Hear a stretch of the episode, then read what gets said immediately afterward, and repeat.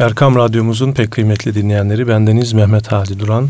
İlahi Nefesler programımıza hoş geldiniz, safalar getirdiniz efendim. Bugünkü programımızda Ahmet Er Rıfai Hazretleri'nin Menkıbeleri isimli kitaptan sizlere alıntılar yapacağım. Efendim programımıza geçmeden evvel güzel bir eser dinliyoruz. Sonra sohbetimiz başlayacak inşallah.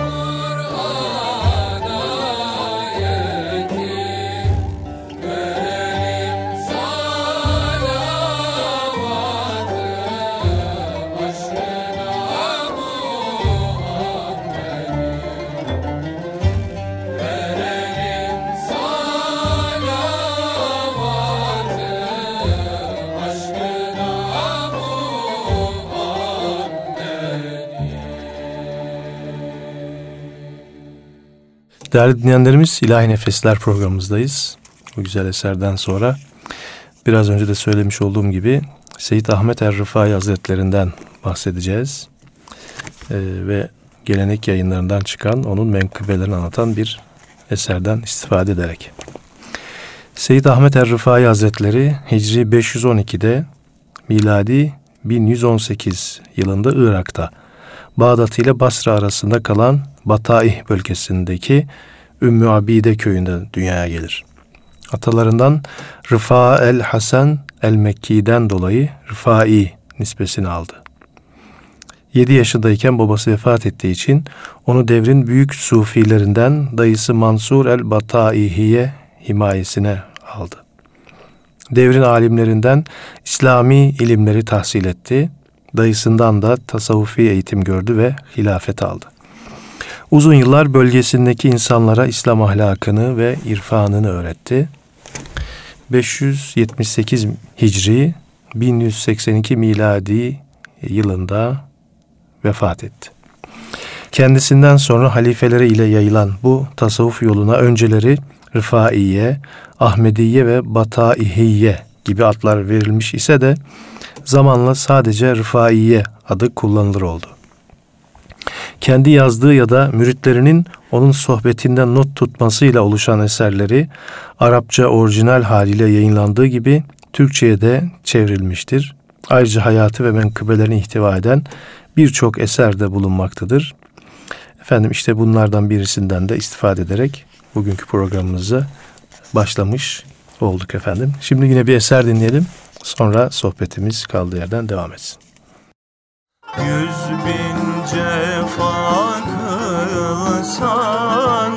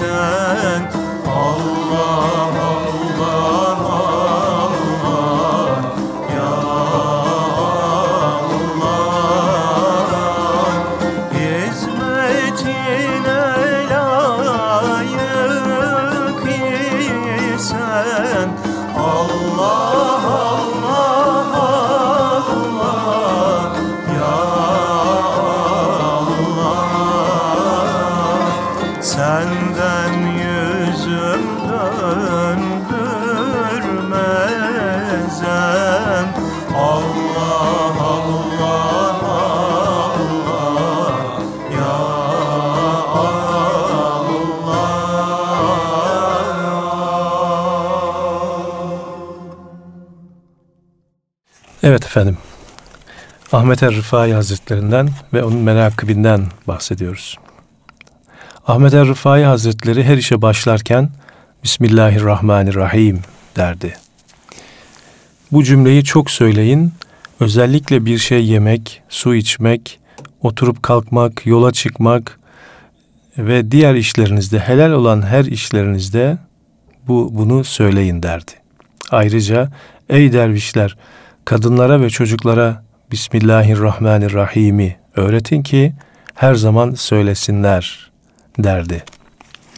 Dervişlerden bir grubu nakletti ki cinlerden bir grup gördüm. birbirlerini şikayet ediyorlar ve bu adam yani Seyit Ahmet bizim yaşantımızı bozdu. Müritlerine kadınlara ve çocuklara besmeleyi öğretin dedi ve onları besmele çekmeye teşvik ediyor. Her konuşmaya başlarken, her lokmayı ağzına götürürken besmele çekin diyor. Büyük ve küçük abdest bozmaya niyet edince besmele çekin diyor. Bu yüzden dünya bütün genişliğine rağmen bize dar oldu. Seyit İbrahim'in şöyle dediği nakledilir. Hazreti Seyyid'i evinin merdiveninden yukarı çıkarken gördüm. Merdivenin her basamağında besmele çekiyordu. Aşağı inerken de aynısını söylüyordu. Sordum niçin besmeleyi çok söylüyorsun? Buyurdu ki ey oğul onu seviyorum. Herkes sevdiğini çok anar. Halk onu söylemesinin faydasını bilseydi onu söyleme de çok hırslı olurdu buyururlar. Yine nakledilir ki Hazreti Seyyid'in şöyle dediği rivayet edilir. Eğer siz beni hakkıyla tanısaydınız benim işime öyle hayret ederdiniz ki şaşkınlıktan karar ve huzur bulamazdınız. Dünya bu genişliğine rağmen size dar gelirdi. Nakledilir ki önde gelen müritlerden bir grubu diyordu ki biz şeyhin yanında tıpkı medrese çocukları gibiyiz. Vuslata erdiğimiz zaman şeyhe ihtiyacımız kalmaz. Şeyh Yakup dedi ki ben onlara dedim ki Hazreti Seyyid'e bu sözü nakledeyim mi? Biz korkmuyoruz diye cevap verdiler. Sonra Hazreti Seyyid'e bu durumu haber verdim. Ahmet er Rıfai Hazretleri buyurdu ki, bu düşüncenin onların aklında olduğunu biliyordum. Ey Yakup onlara de ki, Ahmet'in açmadığı hangi kapıyı açtılar? Ahmet'in rehberlik etmediği hangi yola sülük ettiler? Kaldıranı Ahmet olmayan hangi perdeyi kaldırdılar? Ahmet'in vesilesi olmadan hangi nefis tesir makamına ulaştı? Ahmet sebep olmadan hangi himmet yükseldi? Gönlünde Ahmet olmadan hangi derviş sohbet edebildi? Dön ve onlara de ki sizi kapısız ve penceresiz bir eve koydum. Aradığınız yolu bulamayacaksınız. Ancak ölüm anında müstesna. Dervişlerden birinin keşfe nail olduğunu ancak bu halin o kişide kısa bir süre bulunup sonra zail olduğunu ve ömrünün kalan kısmının haset içinde geçtiğini çok gördüm der. Yine bu hikayenin sonunda. Efendim Hazretin dualar hakkında, dualar bahsi hakkında şöyle görüşleri vardır. Hazreti Seyyid'in adeti sabah namazından güneş doğuncaya kadar, ikindi namazından da güneş batıncaya kadar geçen süre içinde çok dua okumaktı. Buna önem verir ve derdi ki, dervişleri zamana riayet konusunda ikaz ediyorum ki, onlar hangi vakti, hangi vird ile geçireceklerini bilsinler. Dualar çoktur ama onlardan birisi de şudur. Allah'ım bizi murakabe ile uzuvlarını günahtan bağladığın, müşahede ile gönüllerine incelikleri gösterdiğin kullarından eyle. Allah'ım bizi mürakabe ile uzuvlarını günahtan bağladığın, müşahede ile gönüllerine incelikleri gösterdiğin kullarından eyle. Amin. Efendim bir eser dinleyelim ve sohbetimiz kaldığı yerden devam etsin. Mecnun'a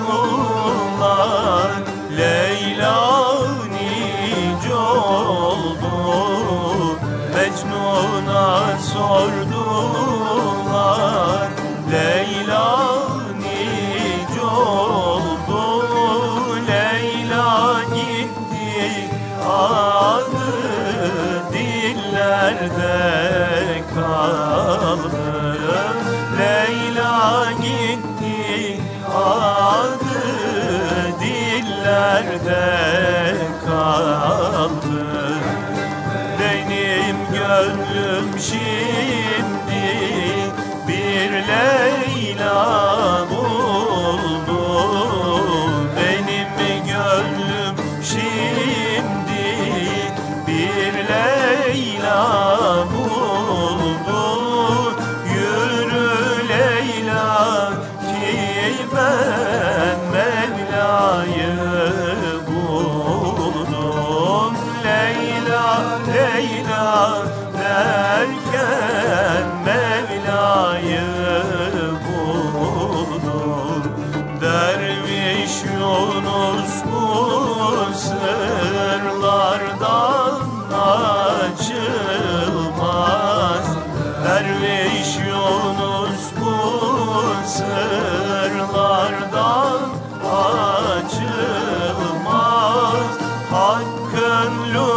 lütfun görüp gayre saçılmaz.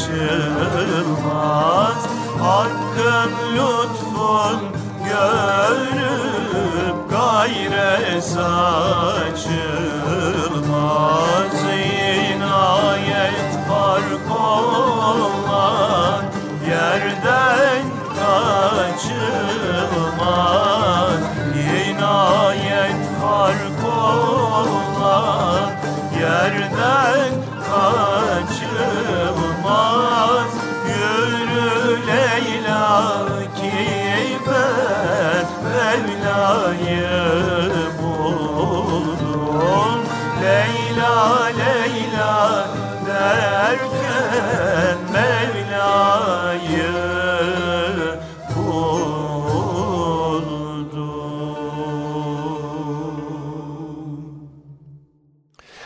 Nakledilir ki Ahmet er Rıfai Hazretleri bir defasında dostlarının yanına geldi. Onlar Allah Teala'nın kudret, azamet, kaza, kader ve fiilleri hakkında konuşuyorlardı. Ahiret işlerinden, eski ümmetlerin hallerinden, yaratılmışların ölümü ve Allah'ın bekasından, kudret ve kahrından bahsediyorlardı. Ahmet er Rıfai Hazretleri buyurdu ki, Ey büyükler, siz ne yapıyorsunuz? Onlar yaptıkları işi ve konuşmaları o Hazreti anlattılar. Buyurdu ki, bu büyük bir deryadır. Onun kenarında 124 bin peygamber ve 124 bin veli boğulmuştur. Bu denizin dibine ulaşamamışlardır. Bu konuda düşünceleri zayi olmuş, akılları dehşete kapılmış ama bu konuyu anlayamamışlardır. Şeyh Yakup kendisinden başka aziz olmayan o azize bu denizin dibi nedir diye sordu. Hazreti Seyyid buyurdu ki o büyük bir yemindir keşke bilseniz mealindeki Vaka suresindeki ayet-i kerimeyi okudu. Rivayete göre bir derviş Hazreti Seyyid'e niçin bazı sularda balık çok bazılarında ise azdır diye sordu. Hazreti Seyyid Ahmet er Rıfai Hazretleri buyurdu ki Ey oğlum Allah Teala'nın bir deryası vardır. O deryada balıktan başka bir şey yoktur. O deryanın üzerinde bir melek görevlidir. O melek bazı balıklara izin verilince takdir edilen kadarı her yere ulaşır. Bu balıkların birkaç kanadı vardır. Allah'ın istediği yerlere onun emriyle uçarlar. Bu büyük bir denizdir. Allah'tan başkası onu bilmez buyurdu. Rivayete göre bir derviş benim için dua edin dedi.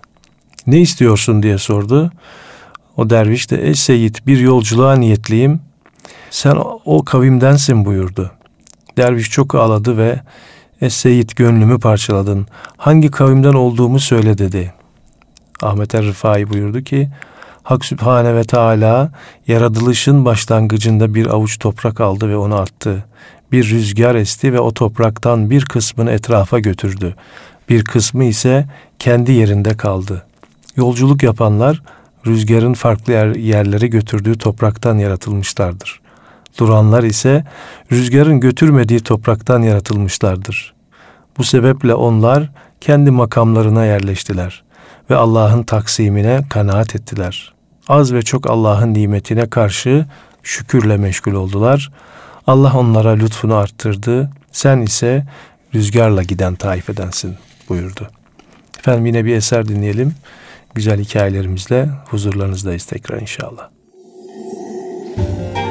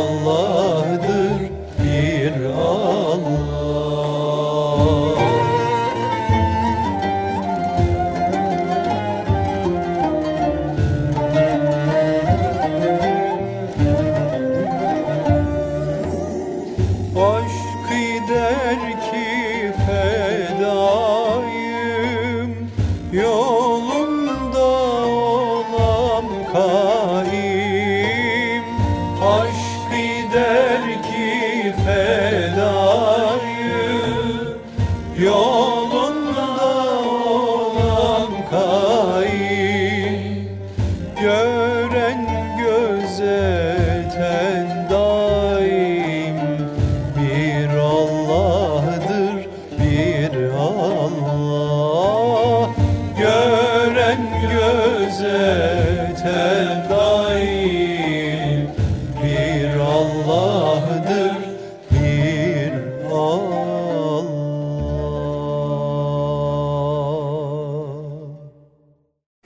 Nakledilir ki Ahmet er Rıfai Hazretleri dünyevi bir şeye sahip değildi.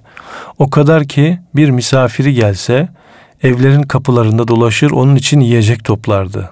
Derdi ki benden sonra Hak Teala size dünyalık verecek. Bu konuda da Hazreti Peygamber'e tabi olmuştur. Nitekim Hazreti Peygamber'in zamanında da ashabın dünyalığı yoktu ve buyurmuştu ki benden sonra Hak Teala size birkaç gün birkaç dünyalık verecek.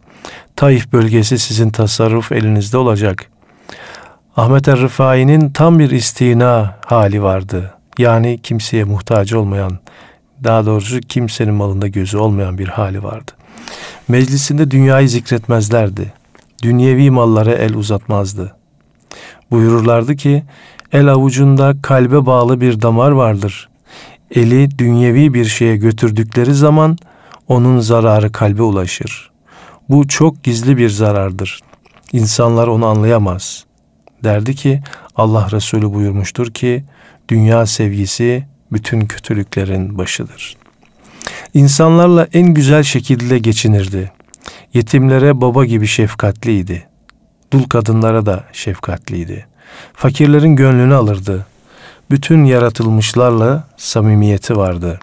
Onun hilmi ve yumuşaklığı kemal derecesindeydi. Asla hiçbir şeyden öfkelenmezdi.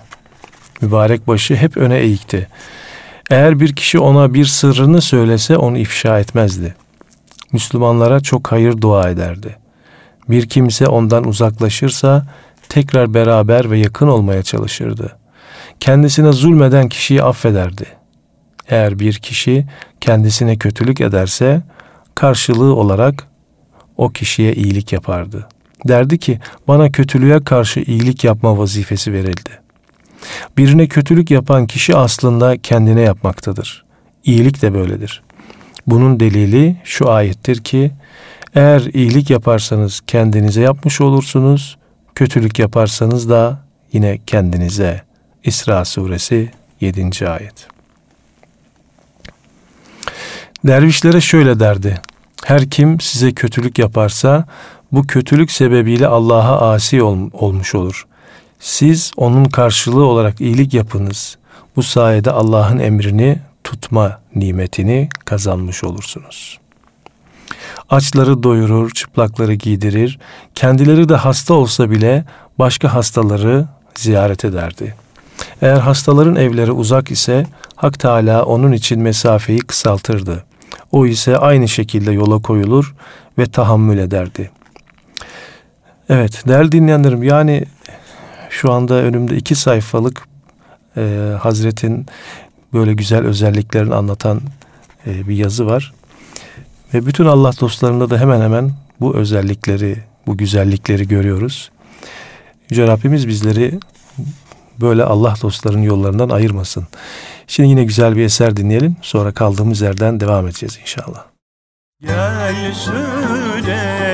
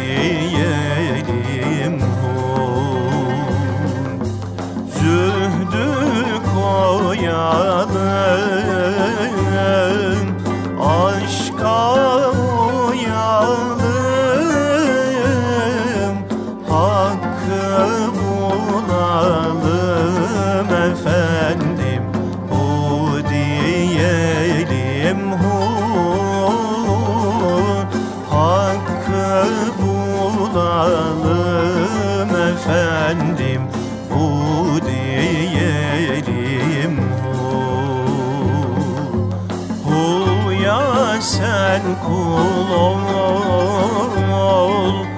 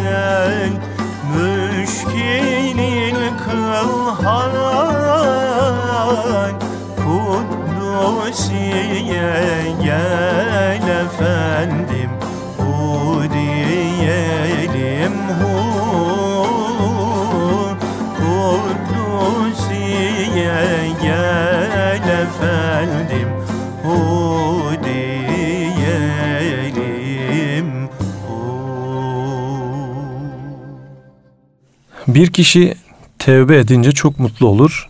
Allah'a şükreder ve o kişiyi överdi. Beşikteki çocuklara tövbe ettirir ve derdi ki Allah Teala'yı sana şahit tutuyorum ki sen bu söz üzeresin.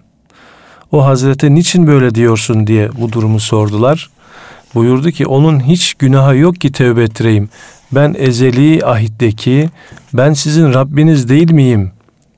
Ayeti kerimesini hatırlatarak evet dediler sözünü hatırlatırım.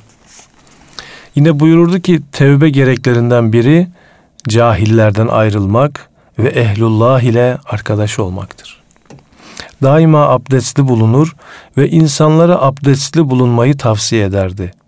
Yolculukta ve ikamet döneminde bir mescide varınca iki rekat namaz kılardı. Eğer yolda bir necaset görse kendi mübarek eliyle onu ortadan kaldırarak yolu temizler sonra eli, elini yıkardı.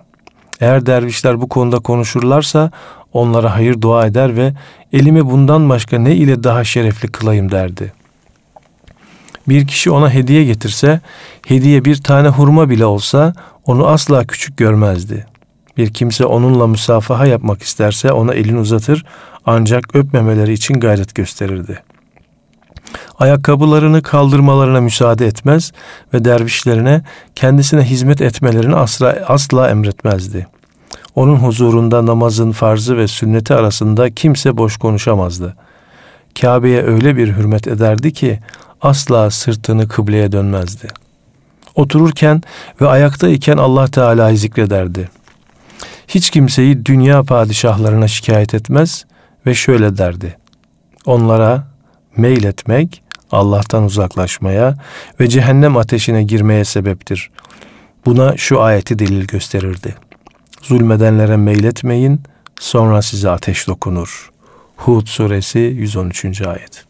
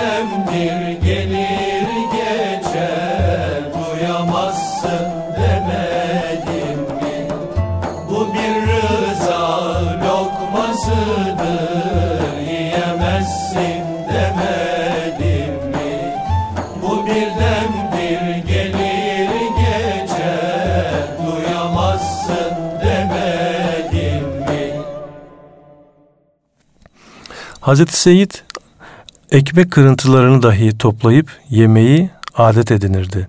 Bir kişi yemeğini bitirdiği zaman ellerini yıkaması için ona su dökmeye kalkarlarsa da bunu uy- uygun görmezdi. Saygı görmekten kaçınan bir insana saygı ve hürmet göstermek doğru değildir derdi. Evde ekmek pişerse komşuların nasibini gönderir ve onlara çok ihsanda bulunurdu. Komşuluk hakkını yerine getirir ve şöyle derdi. Allah Resulü buyurdu ki, komşu komşu olmayan akrabaya göre ihsan ve ikrama daha layıktır. Yine buyurdu ki Cebrail komşu konusunda bana o kadar tavsiyede bulundu ki mirasçılar grubuna dahil olacak zannettim. Yine buyurdu ki Allah'a ve ahiret gününe inanan herkes komşusuna ikram etmeli ki bunlar malum Allah Resulü'nün mübarek e, sözleridir. Evet efendim yine bir eser dinleyelim sonra sohbetimiz devam edecek.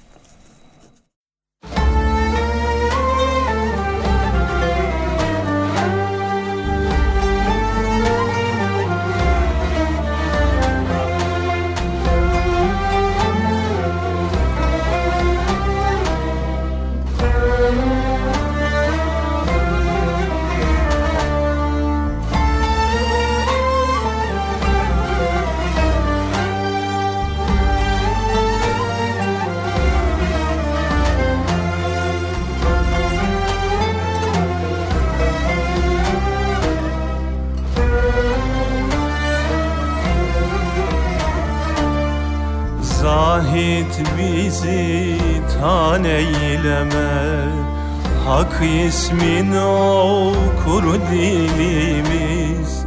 Sakın efsane söyleme. Hazrete varır yolumuz. Zahit bizi tan eyleme Hak ismin okur dilimiz Sakın efsane söyleme. Hazrete varır yolumuz.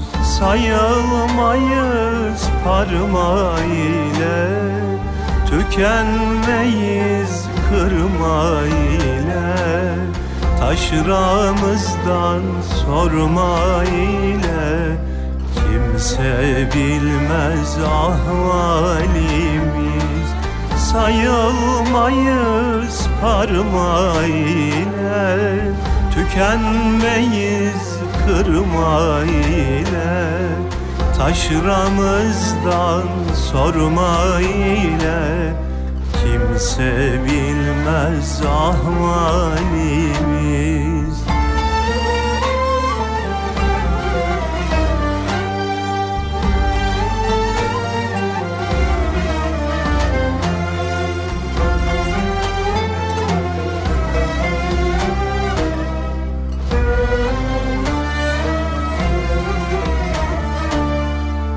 Erenler yolun güderiz Çekilip Hakk'a gideriz. Gazayı ekber ederiz İmam Ali'dir ulumuz. Erenler yolun güderiz Çekilip Hakk'a gideriz Gazayı ekber ederiz. İmam Ali'dir oğlumuz Erenlerin çoktur yolu. Cümlesine dedik beli Gören bizi sanar deli. Musludan yedir delimiz Erenlerin çoktur yolu Cümlesine dedik beli Gören bizi sanar deli Usludan yedir delimiz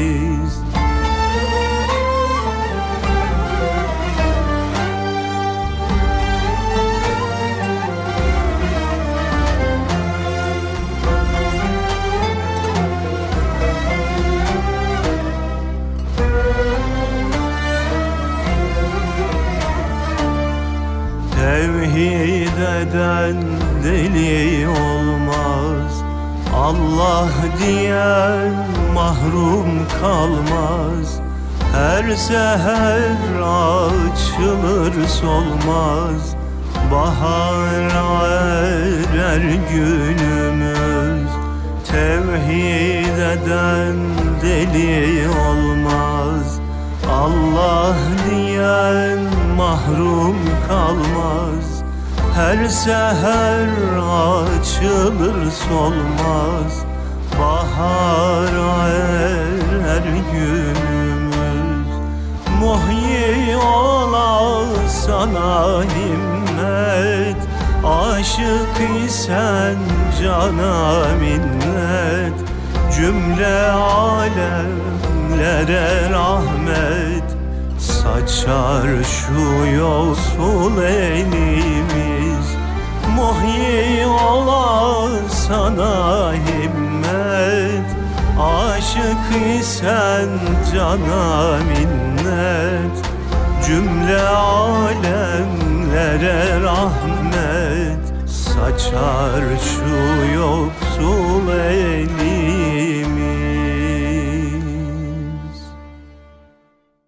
Ahmet Er Rıfai Hazretleri buyurdu ki, derviş tevbe ettiği, mürit olduğu günden ölünceye kadar musiki tesiriyle vecde gelip ayakta çeşitli hareketlerle zikir ile meşgul olur. Ki Rıfai tarikatında böyle bir usul ve yol vardır. Emredilenleri, farzları yaptıktan sonra bu semadan başka onun hiçbir meşgalesi yoktur. Ondan kötü bir şey hiçbir zaman sadır olmaz. Nefsani eğlenceler, gereksiz ve boş işlerle meşgul olmaz. Dervişler grubundan olur. Sonra onda Hak Teala hakkında hüsnü zan ve yakin yani kesin bilgi hasıl olur. Sonra sırasıyla safa, selamet, doğruluk, korku, marifet, cömertlik ve diğergamlık, tevekkül, teslim, rıza ve mürakabe makamları ona ikram edilir. Buyururdu ki Allah ahlakı, ahlakı kötü olan zamane çocuklarını rakse kaldırırlar. Bu sayede onlar kötü ahlakı terk ederler. Anlaşılıyor ki raks kötü ahlakın terk edilmesine sebeptir ve güzel bir sıfattır. Buradaki rakstan kasıt tabii ki e, Rifai tarikindeki o zikrullahın bir çeşidi olan e, açıktan yapılan zikrin e, çeşitli hallerdeki uygulamasıdır efendim. Bunu da açıklamakta fayda görüyorum. Herkes raksa layık değildir. Raksa layık olan kişi raksın şartlarını bilen kişidir. Raksın şartlarını, hallerini ve usulünü bilmeyen herkes bu işe nezaret edemez. Eğer bu işin şartlarını bilmeden raks ile meşgul olursa onun bu yaptığı oyunla bir farkı olmaz. Raks bir harp gibidir. Yani bir savaş gibidir. Harp şartlarını bilmeyen kişi meydana çıkamaz. Raks halkın düşündüğü şey değildir. Raks kelimesindeki sat harfini vav harfine çevirmek gerekir. Raks odur ki sadı vava çevirince raks rakf olur. Lügatte kötülük demektir. O Allah daha iyisini bilir buyuruyor Ahmet Er Rıfai Hazretleri. Efendim yine bir eser dinleyelim. Sonra sohbetimizi yavaş yavaş toparlayacağız inşallah.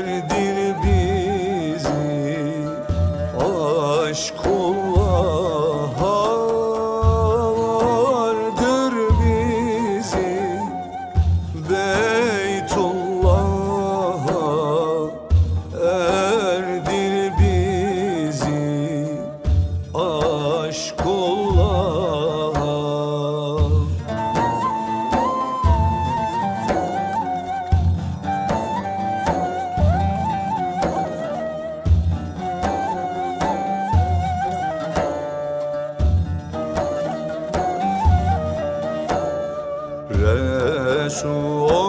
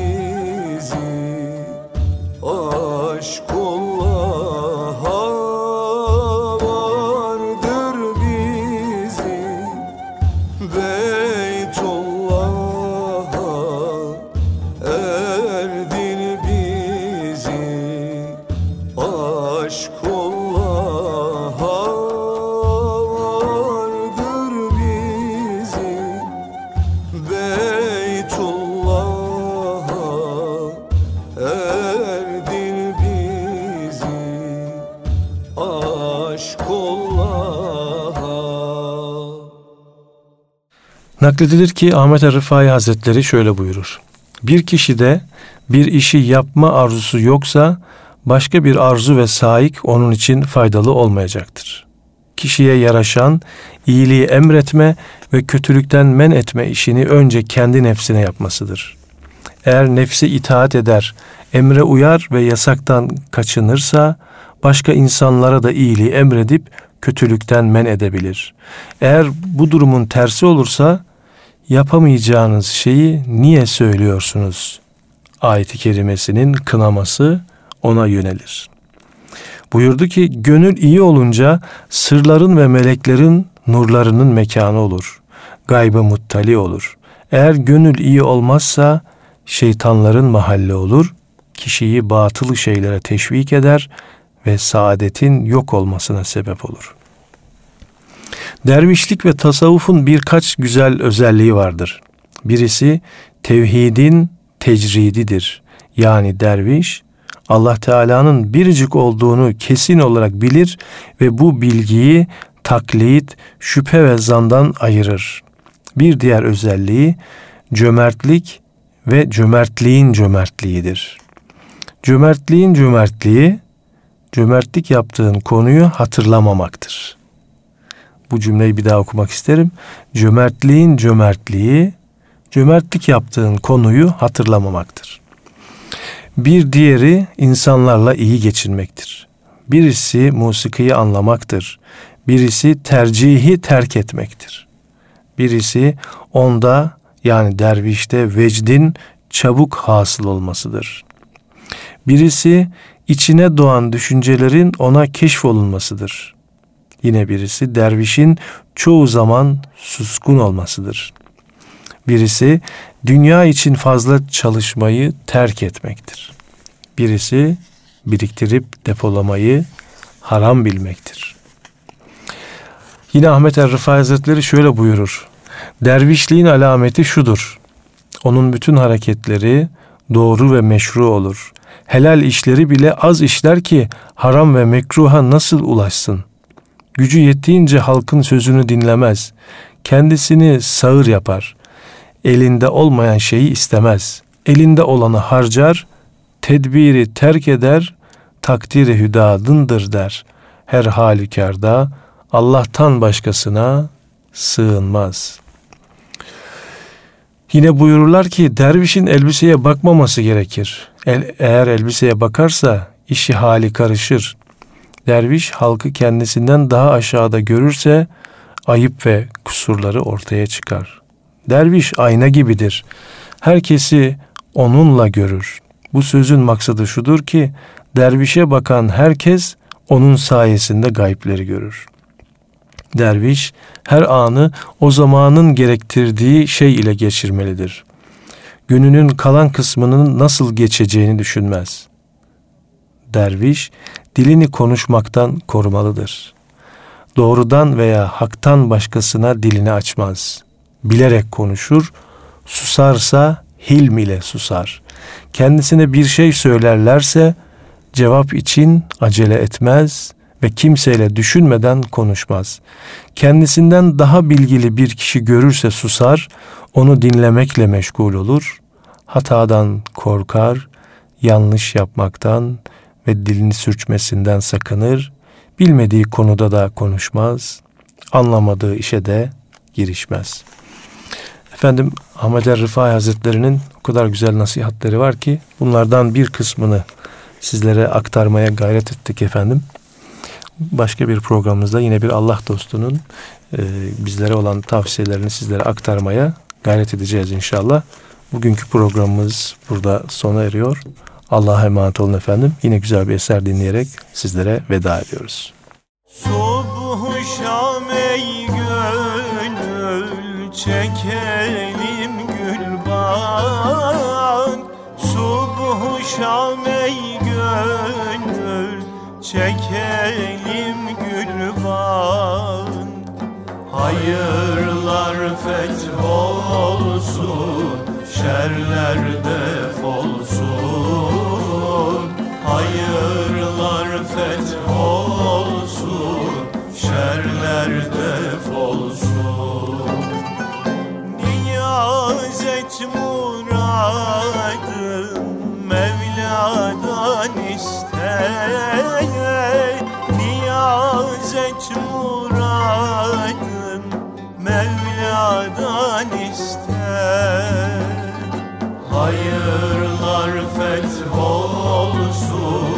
Şerler defolsun Hayırlar feth olsun. Şerler defolsun Perişan fetheyle Hayra dehanın. Perişan fetheyle Hayra dehanın zikretsin Hakkı zebanın Daima zikretsin Hakkı zebanın Eşiğine baş koy Hacı Bektaş'ın